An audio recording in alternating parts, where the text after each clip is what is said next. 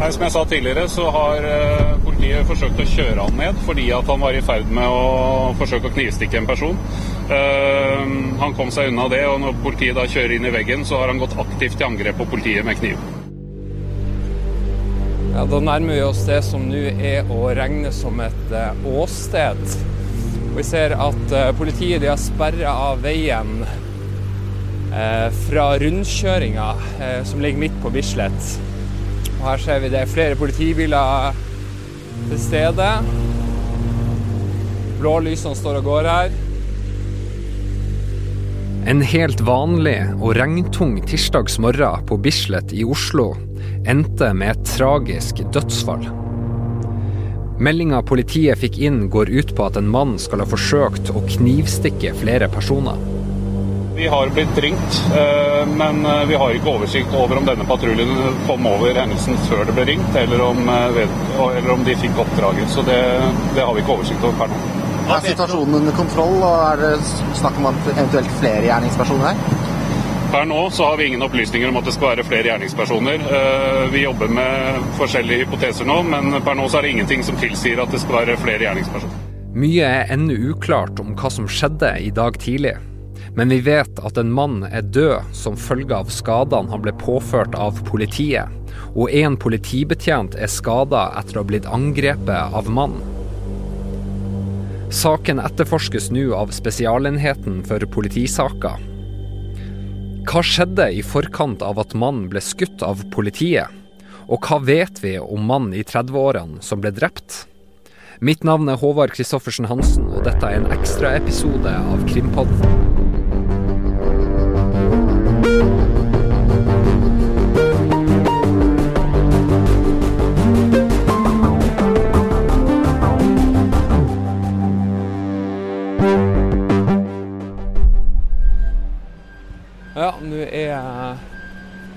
Tilsynelatende ekstremt tett på det som skjer.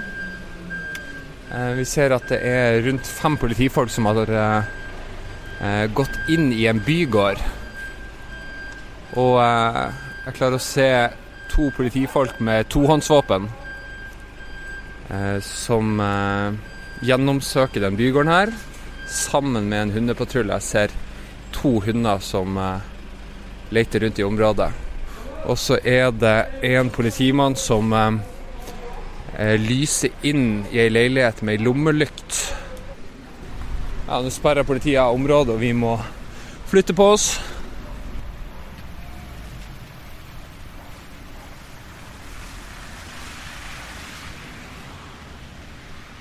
Da har vi akkurat gjort et intervju med innsatsleder Torgeir Brenden. Og han kan fortelle det at eh, politiet forsøkte å kjøre ned en mann som var i eh, ferd med å knivstikke en person. Og eh, denne mannen forsøkte også å ta seg inn i en eh, politibil før han da ble skutt av politiet. Og eh, denne politibilen den ser vi Den står ca. 40 meter bort fra der jeg står nå. Jeg står sammen med masse pressefolk bak noe eh, noe sperrebånd som politiet nettopp har satt opp. Og vi ser at politiet har satt ut eh, flere gule markører, og at de er i gang med teknisk og taktisk eh, etterforskning eh, her på Bislett. Og jeg har klart å telle meg fram til ni politibiler som står her i dette krysset. Og det er fortsatt flere ambulanser også som er på stedet her. Det var like før klokka ni i dag tidlig at Norge nok en gang ble ramma av en voldshendelse med et dødelig utfall, denne gangen midt i Oslo. Thereses gate på Bislett er vanligvis ei fredfull og idyllisk gate. I denne ene enden av gata ligger Bislett stadion og ærverdige Bislett bad. I den andre enden ligger Adamstuen og Veterinærhøgskolen. Midtveis oppi gata ligger Kaffebrenneriet på et gatehjørne ved sida av et bakeri og en blomsterbutikk.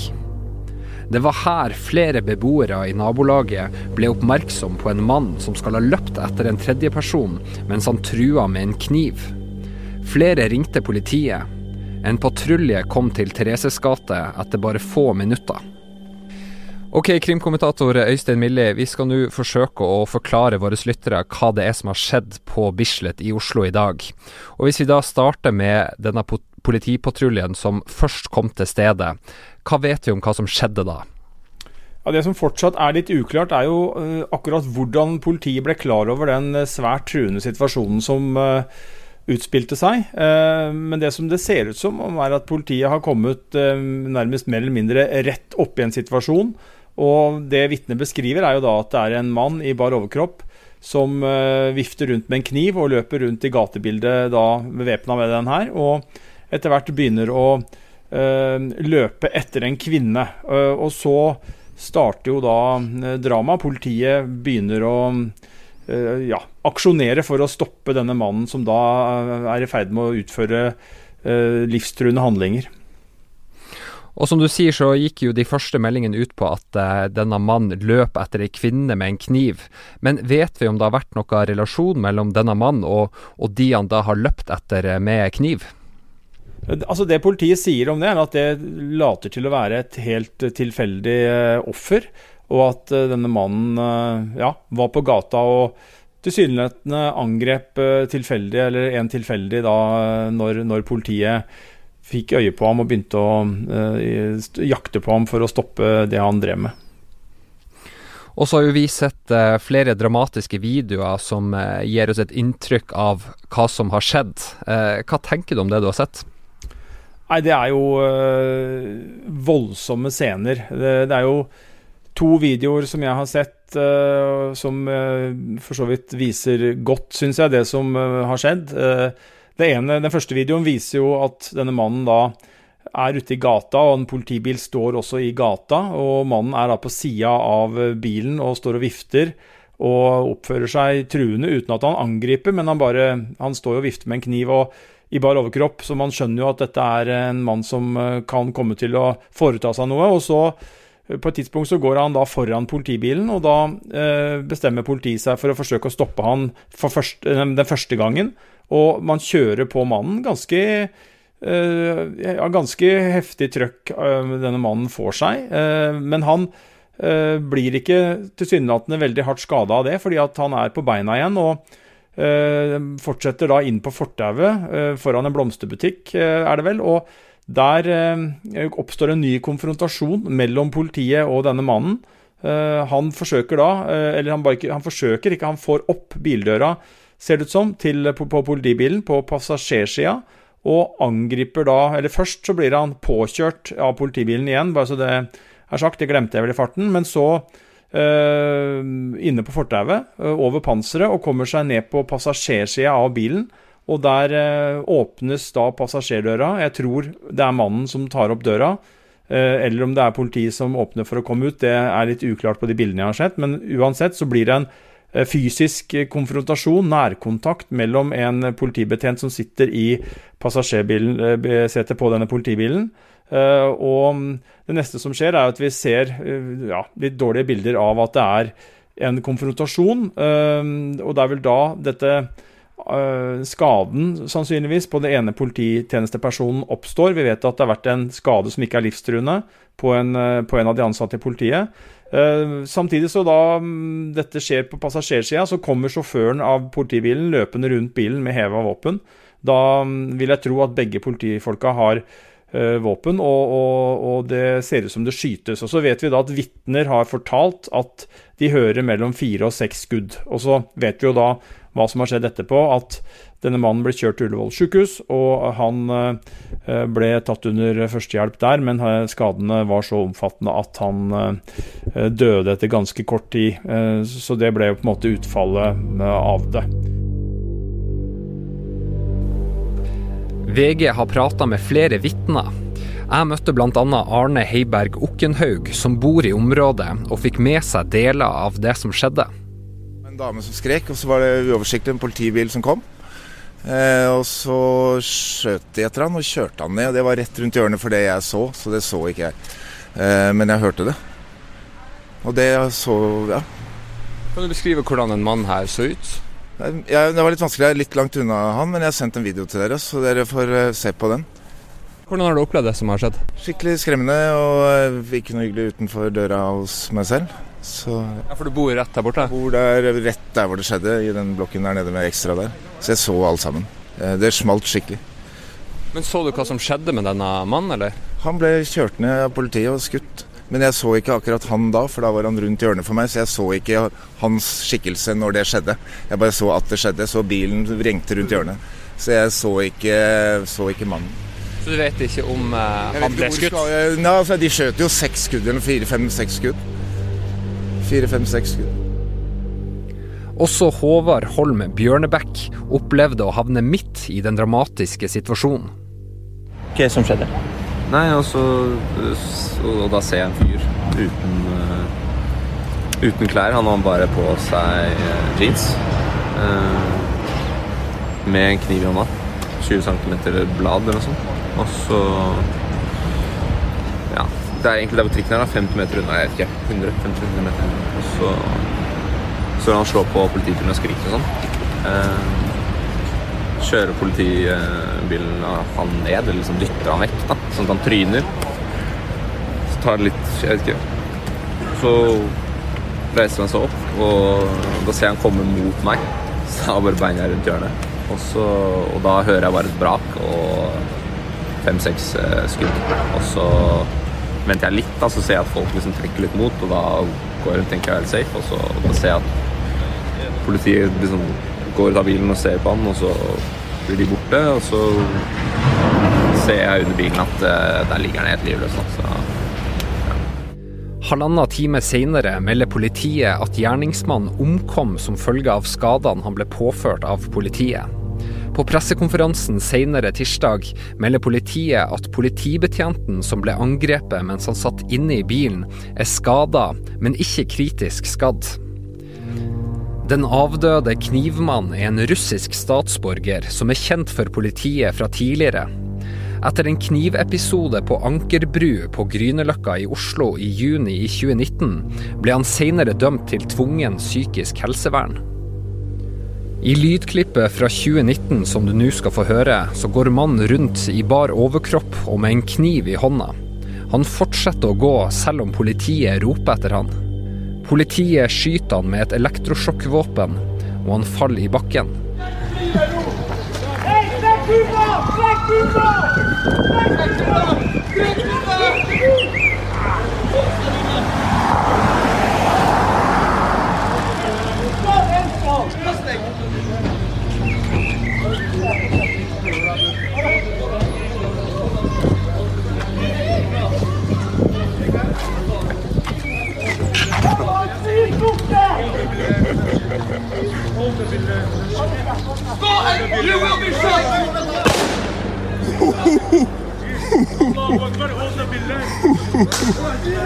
Oi, oi, oi, oi, oi, oi.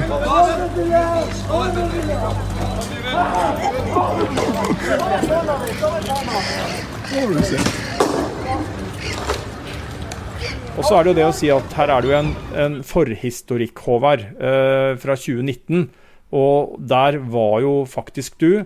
Så mm, det er vel greit at du sier litt om hva som skjedde da, og hva vi vet om uh, denne mannen.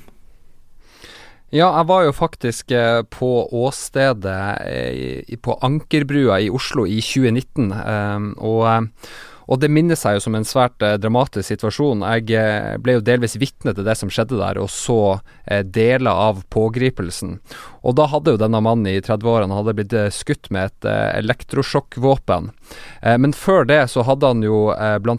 knivstukket en person i ryggen én gang, og hadde forsøkt å stikke ham flere ganger. og han hadde også forsøkt å hogge etter flere personer. så det var jo en svært eh, dramatisk situasjon, og eh, denne personen har jo, som du sier, Øystein, en, en historikk. Eh, fordi at dette her skjedde jo i 2019, eh, men han ble jo altså dømt eh, i fjor for drapsforsøk. Eh, da lurer jeg på, hvordan kan han gå fritt på gata nå? Ja, Det er jo et spørsmål som må belyses. Men det er jo sånn som vi har vært inne på i tidligere episoder hvor vi har snakka om dette temaet, Håvard, er jo at når man blir dømt til tvungen psykisk helsevern, så er jo ikke det en tidsbestemt eh, sak. For det første så er det jo ikke noen straff, det er behandling. Og for det andre så er det altså ikke noe tidsbestemt eh, hvor lenge du skal være under behandling. Det er til du blir erklært frisk av helsevesenet, og da eh, kan du bli uh, på en måte, Da får du hverdagen tilbake igjen i en eller annen form. Så det er vel et spørsmål som jeg regner med at det kommer til å bli ja, stilt, og kanskje også at man kommer til å undersøke om om man har gjort en god nok jobb. Og så er det samtidig sånn at dette er jo vanskelig å forutse. Antagelig vanskelig å fange opp. Det kan godt hende for alt jeg vet at denne mannen har vært det man alle kan være enige om er frisk, men har blitt syk igjen, og at det ikke har blitt fanga opp. Så det er vanskelig å på en måte trekke noen konklusjon eller rette noen kritikk mot helsevesenet på det nåværende tidspunkt, men jeg syns jo det er naturlig at dette spørsmålet blir stilt, og at man gjør noen undersøkelser rundt dette her. Så, er det jo bare for lytterne sin del, Håvard, så kan vi jo bare Den episoden du beskrev, det er jo et ganske Eh, kanskje en del som kjenner igjen eh, scenene gjennom de bildene som ble publisert bl.a. her hos oss i, i, VG. For så vidt jeg kan se på de jeg sitter og ser på nå, så var han også da i bar overkropp. Og han, eh, Politiet sperra jo da, da denne brua, og det var jo flere politifolk som bevega seg, så vidt jeg husker, ganske lenge eh, og, og, ropte til den mannen eh, at han skulle stoppe, legge seg ned og overgi seg så politiet kunne pågripe han. Men jeg tror ikke han gjorde det, og at det ble på en måte en, en, en, en seanse som varte over noe tid. Midlertidig bevæpning av politiet i hele landet ble innført i etterkant av drapene i Kongsberg, men ble oppheva 22.10. I dag ble det nok en gang innført midlertidig nasjonal bevæpning som følge av angrepet i dag. Politipatruljen som kom til Thereses gate hadde våpen i bilen. Norsk politi er vanligvis ikke bevæpna, men en del biler har såkalt fremskutt lagring av våpen, altså at det er våpen tilgjengelig i bilen. Hva som var situasjonen for denne politipatruljen, og hvorfor de var bevæpna, vet vi ennå ikke. Politiet opplyser at alle skuddene som ble avfyrt, ble avfyrt av én av de to politibetjentene. Vi skal høre hva politiet sa klokka tolv i dag. Politiet har eh, våpen i kjøretøyet eh, normalt, og vil eh, bevæpne seg i situasjoner som dette. Kan du si litt om hvordan våpenet ble brukt? Det som, til, det som vi vet foreløpig, er at det ble brukt et etthåndsvåpen. Kan du si noe om antall skudd som ble avfyrt? Det kan jeg ikke, utover at det ble avfyrt flere skudd. Klokka 17 i ettermiddag holdt politiet en ny pressekonferanse. Her kom det fram at den sikta og avdøde gjerningsmannen var på en kortvarig permisjon fra en helseinstitusjon da hendelsen skjedde. Denne permisjonen skal ha starta i går. Ja, for dette skjer jo etter en høst hvor vi eh, bl.a. har hatt Kongsberg-drapene, og vi har jo også dette Nav-drapet i Bergen. Eh, og så må vi jo bare understreke at vi har jo ikke den fullstendige oversikten over eh, eh hans psykiske helsetilstand i forkant av det som har skjedd i dag eh, på denne mannen i 30-årene. Men hva tenker du om summen av disse hendelsene? Dette er jo veldig alvorlige hendelser eh, hver for seg, og i sum så, så sier de noe om at det er personer i Eh, samfunnet som går løs, og som kan være farlige. Eh, nå gikk det jo bra i dag i den forstand at ingen sivile ble skadd eller drept. Og så er det jo tragisk at denne mannen ble, måtte, altså ble skutt og, og, drept, men det får jo da uh, ut, etterforskes og ses på. Og, og, sånn som det fremstår nå, så har jeg vanskelig for å se noe annet enn at politiet har gjort en god jobb. Dette var en uh, veldig eh, ja, truende situasjon, hvor eh, politiet måtte bruke maktmidler. og Det endte da, og det hender av og til, at politiet må da ty til de virkemidlene som vi så i dag. Og så er det jo det å si at dette understreker behov for at helsevesenet i samarbeid med andre etater klarer å fange opp og behandle så mange som mulig av de i psykiatrien som eh, kan være så farlige som, som dette. For det er klart at Eh, det er, eh, ja, det er tre hendelser som, eh, som er voldsomme, Håvard. Ja, for denne mannen han ble jo altså først kjørt ned og deretter skutt og drept av politiet. Kan du si litt om hvordan vurderinger som ligger til grunn når politiet da bestemmer seg for å bruke maktmidler som å kjøre ned en person og avfyre skudd? Ja, dette er jo vurderinger som vi også har vært innom uh, i Kongsberg-saken. Så er dette vurderinger som må tas i løpet av noen sekunder. Uh, og politiet kommer inn i en situasjon hvor de oppfatter at denne mannen hvert sekund som helst kan angripe og i verste fall drepe sivile. Så er det ganske opplagt at da trår man inn i den situasjonen. Og takk for det, at vi har politifolk som da gjør det.